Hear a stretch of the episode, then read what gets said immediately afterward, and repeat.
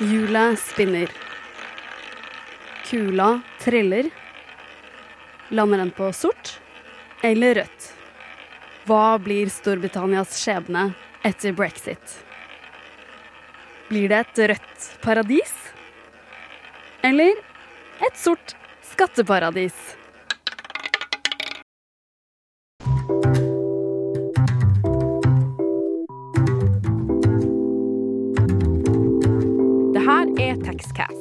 Podkast fra Tax Justice Network Norge om globale skattespørsmål.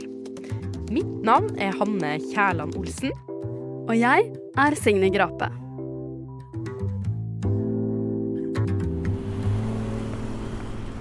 Ja, hvor er det vi står utenfor nå? Vi står utenfor Scotsman.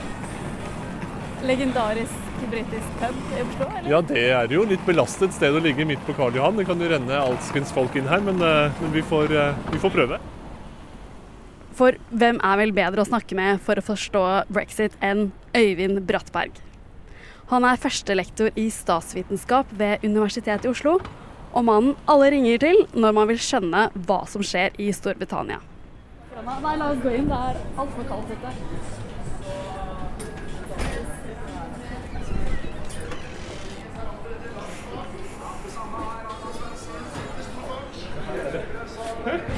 Er Her det? er det ski og ikke, ikke Mine United, iallfall.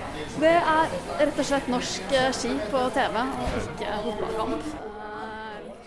Og skal vi tro Brattberg, er det enda større forskjeller mellom nordmenn og briter enn hva som vises på TV-skjermen på puben. Så hvis jeg hadde vært eh, klart nei til eh, norsk EU-medlemskap Det er ikke sikkert jeg kanskje hadde vært eh, for brexit. Det tror jeg du har helt rett i. Jeg tror man skal være veldig eh, var for å trekke de parallellene. Jeg tror troen på sjølråderett kan være noe som er åpenbart er felles. Og tanken om at nasjonale demokratiske institusjoner er, de er på en måte rettmessige og legitime. Vi bør prøve å beholde eh, beslutningsmakt vår, med våre egne politikere. I våre egne institusjoner. Hos oss, rett og slett. Det er på et vis felles. Eh, men utover det så er forskjellene så, så mange. Storbritannia en imperiemakt, globale forbindelser, et veldig annerledes utsyn både militært, geopolitisk. Eh, altså en, en helt annen internasjonal selvforståelse, hvem, hvem man skal være på den internasjonale arenaen. Og også hjemme et veldig annerledes samfunn, annerledes arbeidsliv, annerledes forhold til innvandring. Slik at vår, vårt eh, hjemlige, ganske sånn egalitære, vesle samfunn i Norge vi er, Det er mange av oss som er EU-skeptikere, men likevel så treffer de ikke helt den EU-skepsisen i, i, Storbritannia, som dels har å gjøre med en, en, en fortid som stormakt, og med drømmer og ambisjoner langt utenfor Europa. Og dels har å gjøre med et veldig skarpt klassesamfunn, hvor, hvor også mennesker lavt på rangstigen har blitt rammet av, eller mener seg rammet av globalisering, internasjonal eh, frislipp av kapital, og mye av det identifiseres etter hvert også med EU. Som er en, type EU-skepsis som vi ikke ser så mye til i Norge. Vi er, er EU-skeptikere av ganske andre grunner, og også i form av hvilke partier som er EU-skeptikere, så er, er, det forskjellig. Storbritannia et, eh, en EU-skeptisk høyreside, mest av alt. Altså det, I den politiske eliten så er det det konservative partiet som har vært drivkraften for hele kampanjen om å, om å tre ut. I hvert fall er det de som er Det er der debatten først og fremst foregår.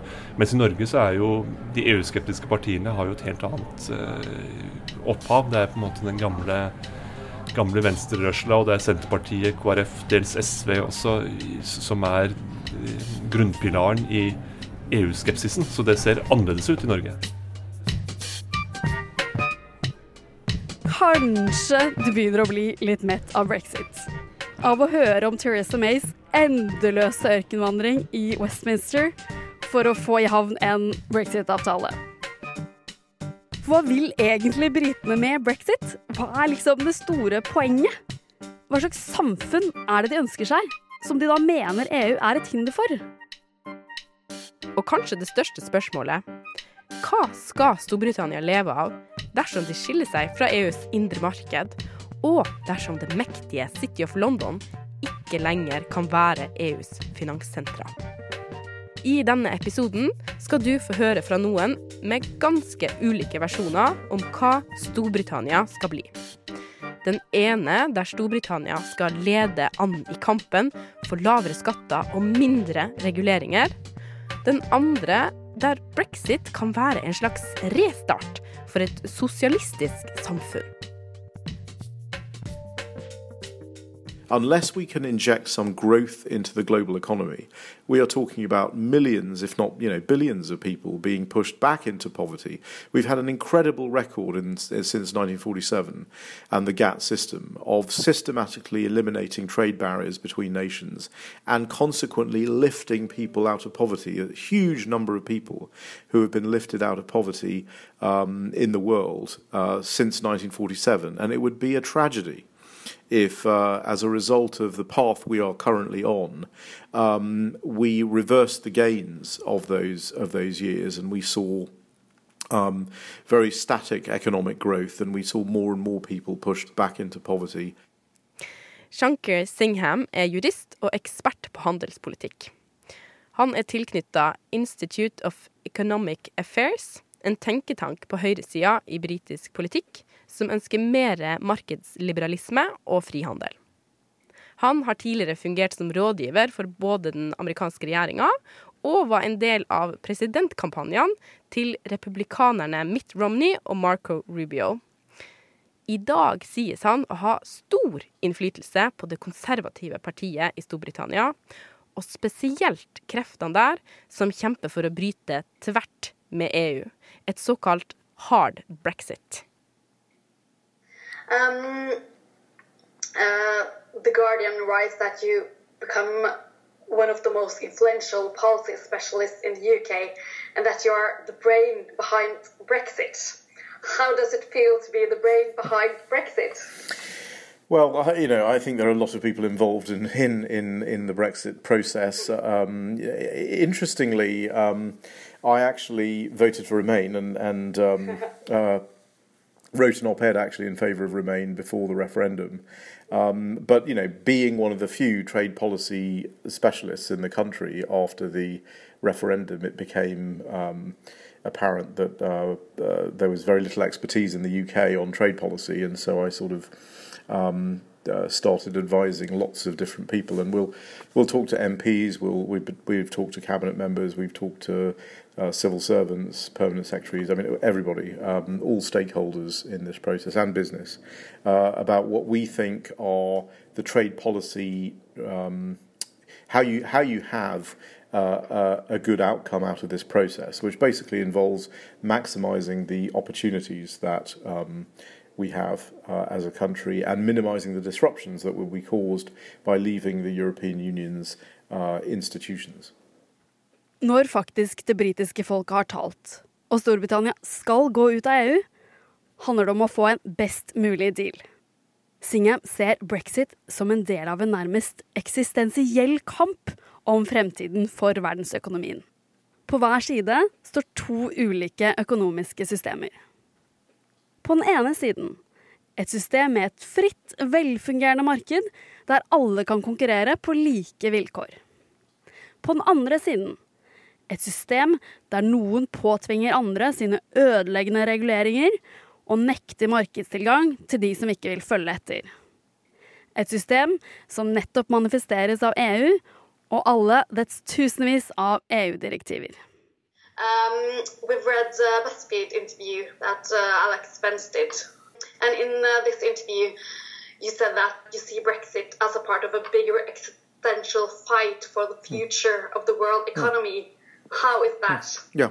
So essentially, what's been happening in the global economic system is you've got a um, a difference in the the approach which is undertaken, frankly, by most um, WTO members, and it is underpinned by the WTO agreement, which is a regulatory competition essentially. So you allow countries to have different regulatory systems and you try to recognize those systems, even where the regulations themselves are different, provided that the, you know, the ultimate goals are, are the same. You have that sort of mechanism. It is a um, global regulatory system that is tending towards more pro competitive regulation that actually allows the market competition to work, uh, is more trade liberalizing, uh, and therefore um, creates more economic activity and lifts people out of poverty. The, uh, the alternative way of looking at this is to say you must be identical to our regulation. And if you're not identical, then we won't allow market access. So, so essentially, and, and the more extreme version of that is to say, um, and we want our regulatory system to be the global, identical global regulatory system.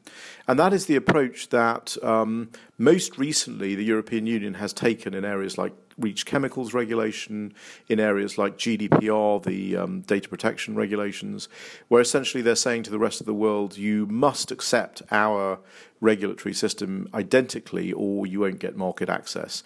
And the Chinese also are doing a similar thing. They're using the size of their market to force other countries around the world to accept their regulatory system. So you've got this um, broadly broadly defined. You've got this battle between a pro competitive regulatory system based on equivalence and adequacy and, and, recognition versus a prescriptive regulatory system that's based on identicality. That's the battle that's going on. And in fact, since the global financial crisis in 2008, the number of anti competitive regulations and uh, regulatory pieces of regulatory protectionism have increased dramatically. Um, and so it's not surprising that economists like Christine Lagarde at the um, at the um, uh, uh, IMF are calling this sort of the new normal, where developed countries will have only a sort of two percent growth rate. That's that's to be expected. Well, you know, frankly, for most people in the world, never mind people in developed countries, but if the developed country growth rate is two percent, that is a catastrophe for the, the developing world. I mean, it's bad enough that we're pushing people into poverty, but it also has security consequences. It has consequences for the rise of global um, terrorism and so forth. So if people are disenfranchised, if they feel that there is no way for them to have a better life than their uh, parents, then they will embrace all sorts of other ways of uh, feeling better about themselves. So, so we are talking about something very, very serious. And in the middle of this um, process that we're moving towards, um, as I say, you have a major global event, which is a a G7 nation adopting independent trade policy for the first time. If it goes in a certain direction, um, then I think we could actually unlock uh, considerable um, global growth. But that, that requires it to actually act um, uh, in certain ways. Hi, hi, how are you? Nice to meet you. Hi. Hi, hi, I'm nice meet you. Nice to meet you.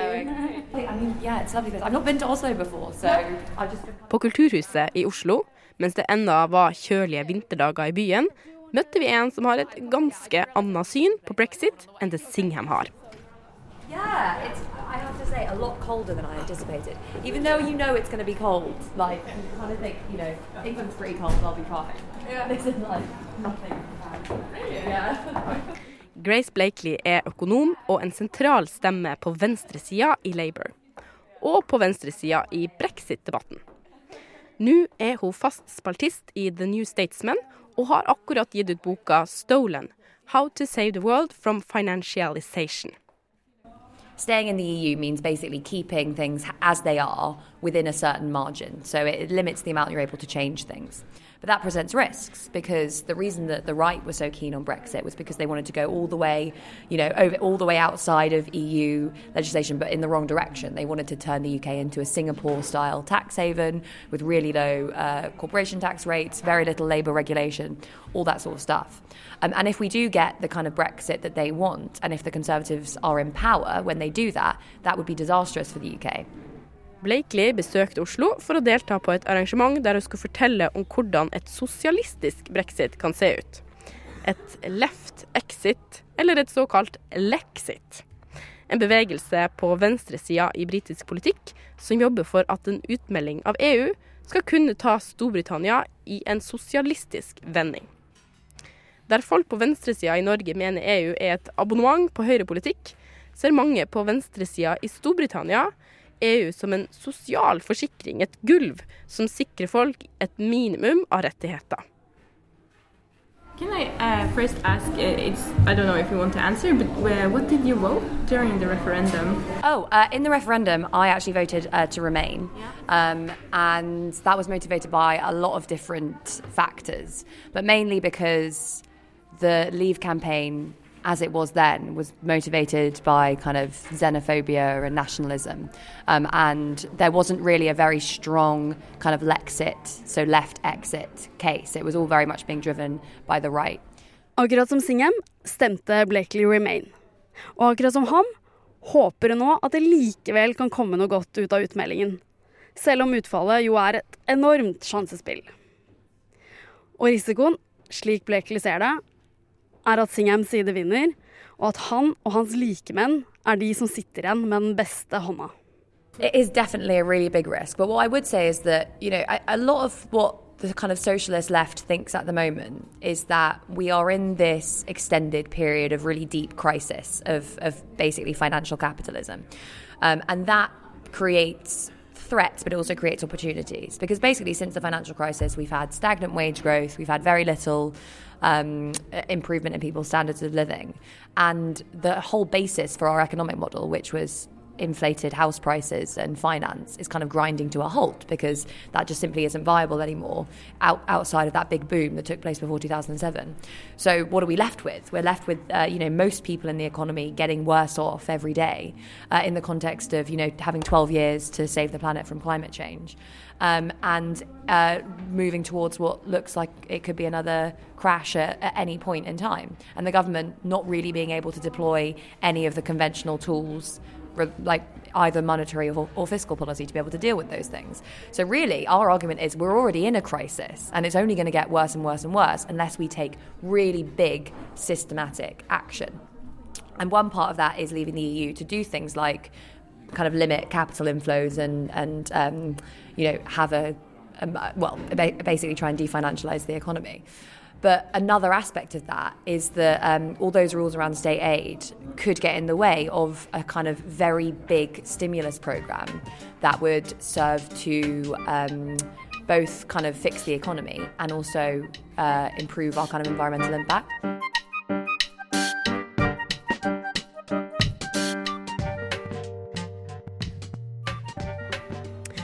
Så hvorfor vil dette landet, som bare ligger en litt lang svømmetur fra det europeiske kontinentet, hvorfor vil de være så innmari annerledes fra resten av Europa? Eh, ja, dette Hvordan eh, vi ser på hverandre. Er det et slags sånn fiendebilde, nærmest? Eh, hvor, altså, fra Storbritannia og over kanalen, og andre veien også. At det er sånn slags fiendebilde vi har EU og Storbritannia. Storbritannia har et I britisk politikk og offentlighet så har man veldig lang tradisjon for å se Europa, eller kontinentet, som en samlet motpart. Altså det, har, det, det, har, lange historiske linjer å gjøre det. Og Det kan dels være i form av et fiendebilde hvor, hvor enten franskmenn eller, eller, tyskere står sentralt, da på litt forskjellige områder. Tyskland har vært en, en en militær trussel i, spesielt i, i første halvdel av 1900-tallet. Frankrike har vært mer av en sånn kulturell motpart og en økonomisk konkurrent. Men Europa er i alle tilfeller en, en motpart og en motspiller. Og det er jo en litt sånn bisarr forståelse for mange andre europeere. fordi Europa er jo et mangfold av ulike nasjoner med ulike interesser, og man får til et samarbeid som fungerer på et vis. Men for Storbritannia så har det gjerne vært sett sånn at britene har én definert nasjonal interesse. Nå møter den en, en svær blokk som er det europeiske kontinentet, som er annerledes og som har grunnleggende forskjellige ønsker enn oss. Og så ser man hva som kommer ut av den brytninga. Mm. Hadde dette vært en ekte britisk uh, pub i Storbritannia, så kunne vi kanskje gått og og bestilte oss en tikka masala. Det er vel en ganske typisk mm. pubmat faktisk i Storbritannia. Utenfra så fremstår det som et eh, paradoks at eh, Storbritannia, som er et så multikulturelt land, også har på en måte denne innvandringsskepsisen fått en så stor eh, del av, eller årsak til at ja, man det faktisk folk stemte for brexit. Mm. Hvordan forklarer man dette paradokset? Det er jo faktisk noe som er, er nesten litt komisk for en nordmann. I hvert fall er det veldig påfallende at britisk innvandringsdebatt visst handler det om um, radikal islam og henteekteskap og, og sånne globale og globale spørsmål og svære kulturelle kløfter. Men det handler også, og kanskje aller mest, om europeisk arbeidsinnvandring i det daglige. Så handler det masse om, om den strømmen av europeere som kommer til Storbritannia, og som også presenteres som en trussel. Og det har å gjøre med Blant annet har det å gjøre med et arbeidsliv hvor det er mye friere rammer i Storbritannia. Mye lettere å drive en sånn race to the bottom hvor, hvor eh, man konkurrerer på lavere lønninger og dårligere arbeidsvilkår. Og dels har det å gjøre med at Storbritannia er et, det er et veldig tett befolket land. Det er mangel på boliger, det er en, en eh, nedslitt infrastruktur, vanskeligheter med offentlige tjenester. Mye lettere å argumentere for at båten er full, eller at man, man iallfall må begrense hvem som kan klatre inn i båten. Og det er jo et faktum med EUs indre marked, fri bevegelse av arbeidskraft, så kan man ikke uten videre si at du får ikke klatre om bord i båten, du som kommer fra, fra Litauen eller, eller, Polen eller Bulgaria eller Hellas. Du, for i det indre marked så kan man klatre inn og ut av båter så mye man vil og, og um, forsøke å finne arbeid. Så det har vært et veldig viktig argument i brexit-debatten og et viktig argument for å si at vi må ut av EU fordi vi må gjenvinne kontroll over egne grenser. Og den typen innvandringsdebatt står, den er mye eh, kraftigere og krassere i Storbritannia enn hva vi kjenner her i Norge. Britene er altså ikke så glad i fri flyt av personer, eller skal vi si østeuropeere. Men fri flyt av varer, tjenester og kapital, det vil de jo ha. City of London er finansdistriktet i London på samme måte som Wall Street i New York. I dag fungerer City, som det ofte bare omtales som, på mange måter som EUs finanssenter. Finansindustrien er en veldig viktig del av britisk økonomi, og sysselsette masse folk. City of London er også et senter av et enormt globalt spiders web av skatteparadiser. Dersom Storbritannia og alle deres oversjøiske territorier og kronbesittelser, som f.eks. Cayman Islands eller Jersey, hadde vært sett på som én en enhet, hadde Storbritannia vært det desidert største skatteparadiset i verden. Det hadde ligget helt på topp av Tax Justice Networks Financial Secrecy Index. Og dette enorme systemet kan du høre mer om i episoden Edderkoppets nett, som vi laga i fjor. Der vi var i London og fikk en guidet tur gjennom det historiske City of London.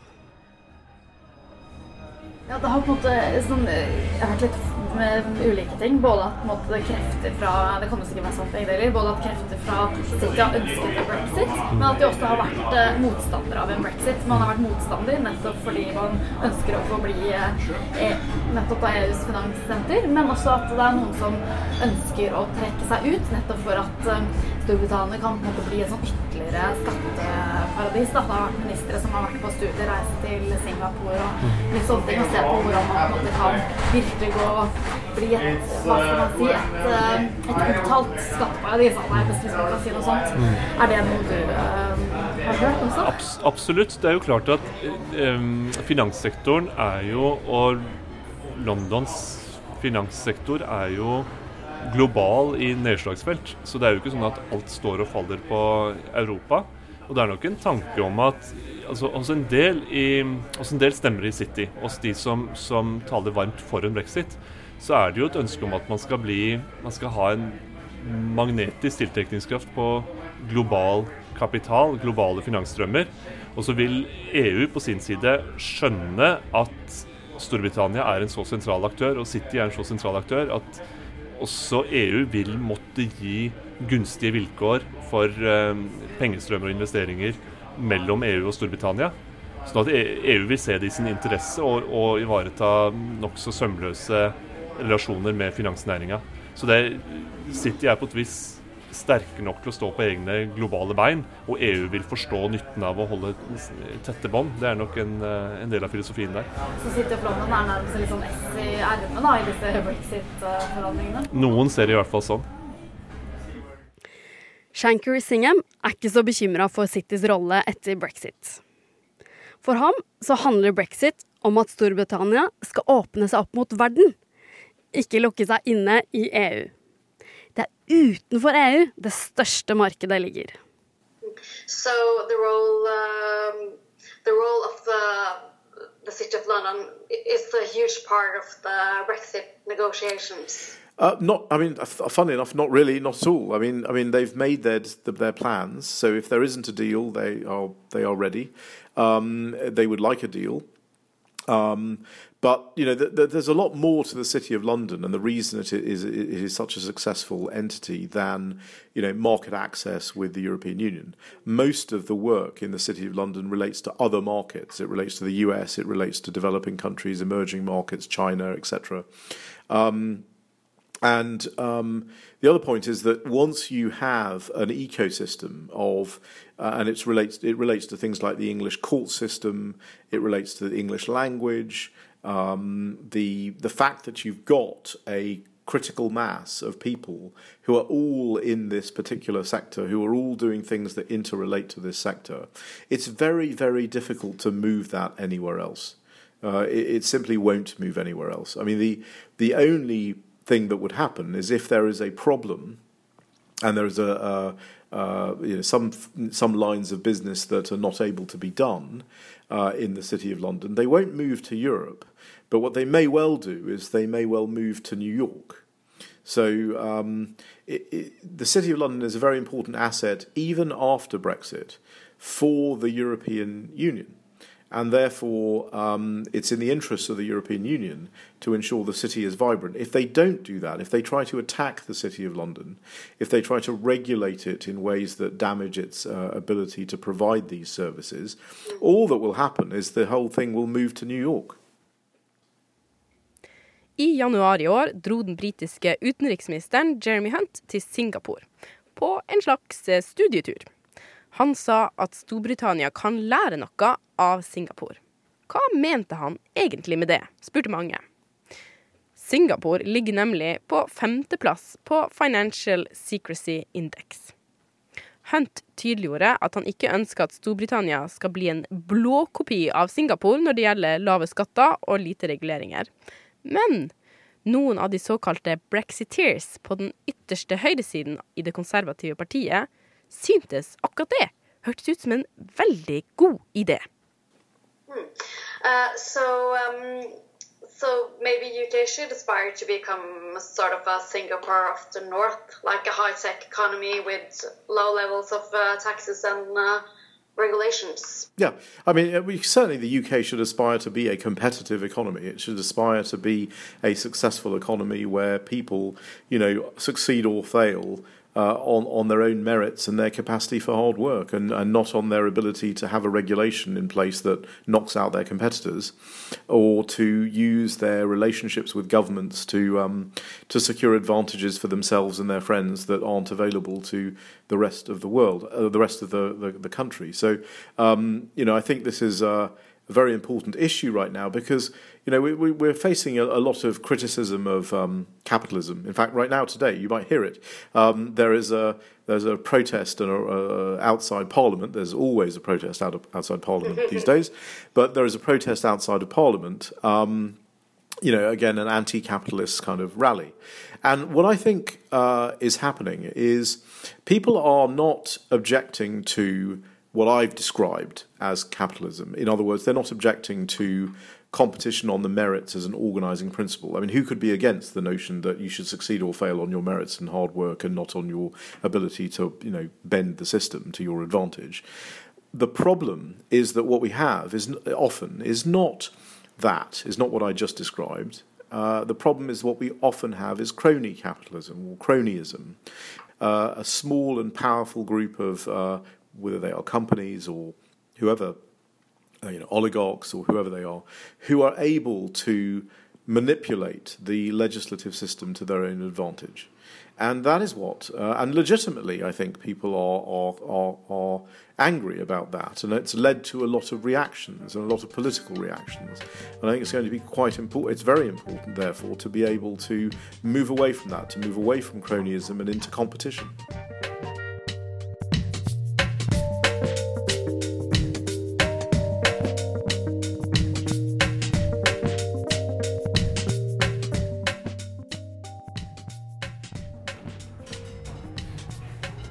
Thing we thought was interesting was to see if people think that the UK is a tax haven today. Do you think that it is? Do I think the UK is a tax haven? I absolutely do. What is the, what's the thing that you fear will happen? What's like your worst nightmare? My worst nightmare would be that Singapore style no deal. So if we were to crash out under a Conservative government um, and there was no prospect of a general election in the near future, that would create real issues for the British economy um, and for, for British people as well. Having said that, I don't think it would be sustainable and I don't think it would last very long. But if that happens, what will be the consequences? If they lower the taxes, lower the cuts the regulations, what will be the consequences for uh, people working? a kind of deregulatory Brexit could be really damaging. I think over the shorter term, you might not notice such an impact because, you know, if the change is big enough, it could lead to a kind of boom in, in stock markets, and asset prices, depending on what the kind of regular, regulatory changes are, um, which could disguise the kind of longer term impact. Um, but if that model was deepened as it was kind of in the 80s, then you'd just see an escalation of all the problems that we've had since then. So, falling wages, um, there'd probably be a lot of anti union legislation that would prevent people from fighting back against it.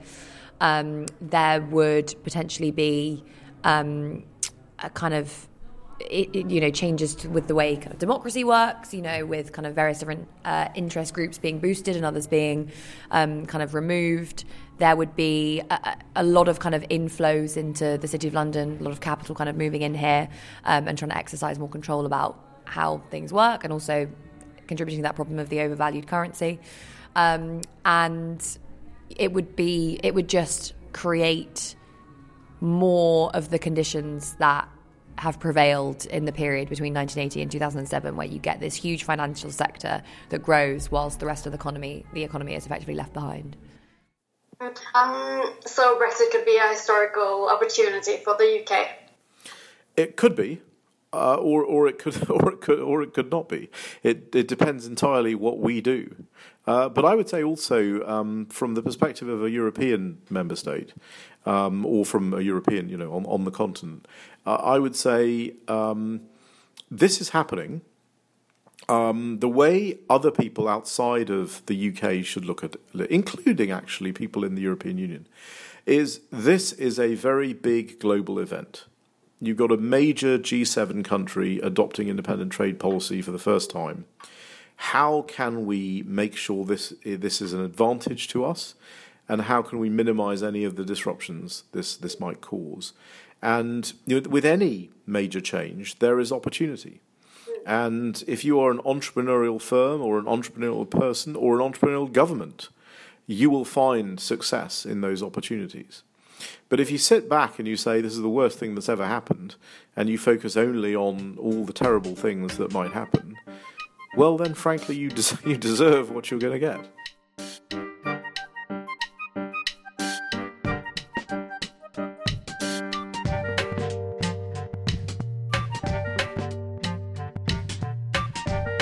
er, prosessen ser ikke ut til å lede fram mot noe enighet med at dette er en god plan. Den, den, den følger vi. Fordi det er uenighet som er på en måte stikkordet i alle retninger, hvis man ser, hvis man ser etter brexit-debatt. Så det er vanskelig. Og jeg tror også det er eh, hele denne debatten om man skal være en del av Europa eller ei. Det er jo den er satt sånn på, på, spissen og handler veldig mye om hva slags land Storbritannia skal være, hva slags økonomisk utviklingsmodell man skal følge, og også hvor man hører hjemme kulturelt og politisk. Hva er man til syvende og sist? Er man en, er man en slags være seg selv nok Little Britain, Little England-nasjon? eller er man en fordums imperiemakt? Eller er man kanskje en ganske stor, men europeisk eh, makt som er avhengig av å samarbeide med sine nærmeste naboer. Det er eh, veldig ulike visjoner i, i, spill, og det er veldig mange som kommer til å bli misfornøyd uansett hvordan dette ender.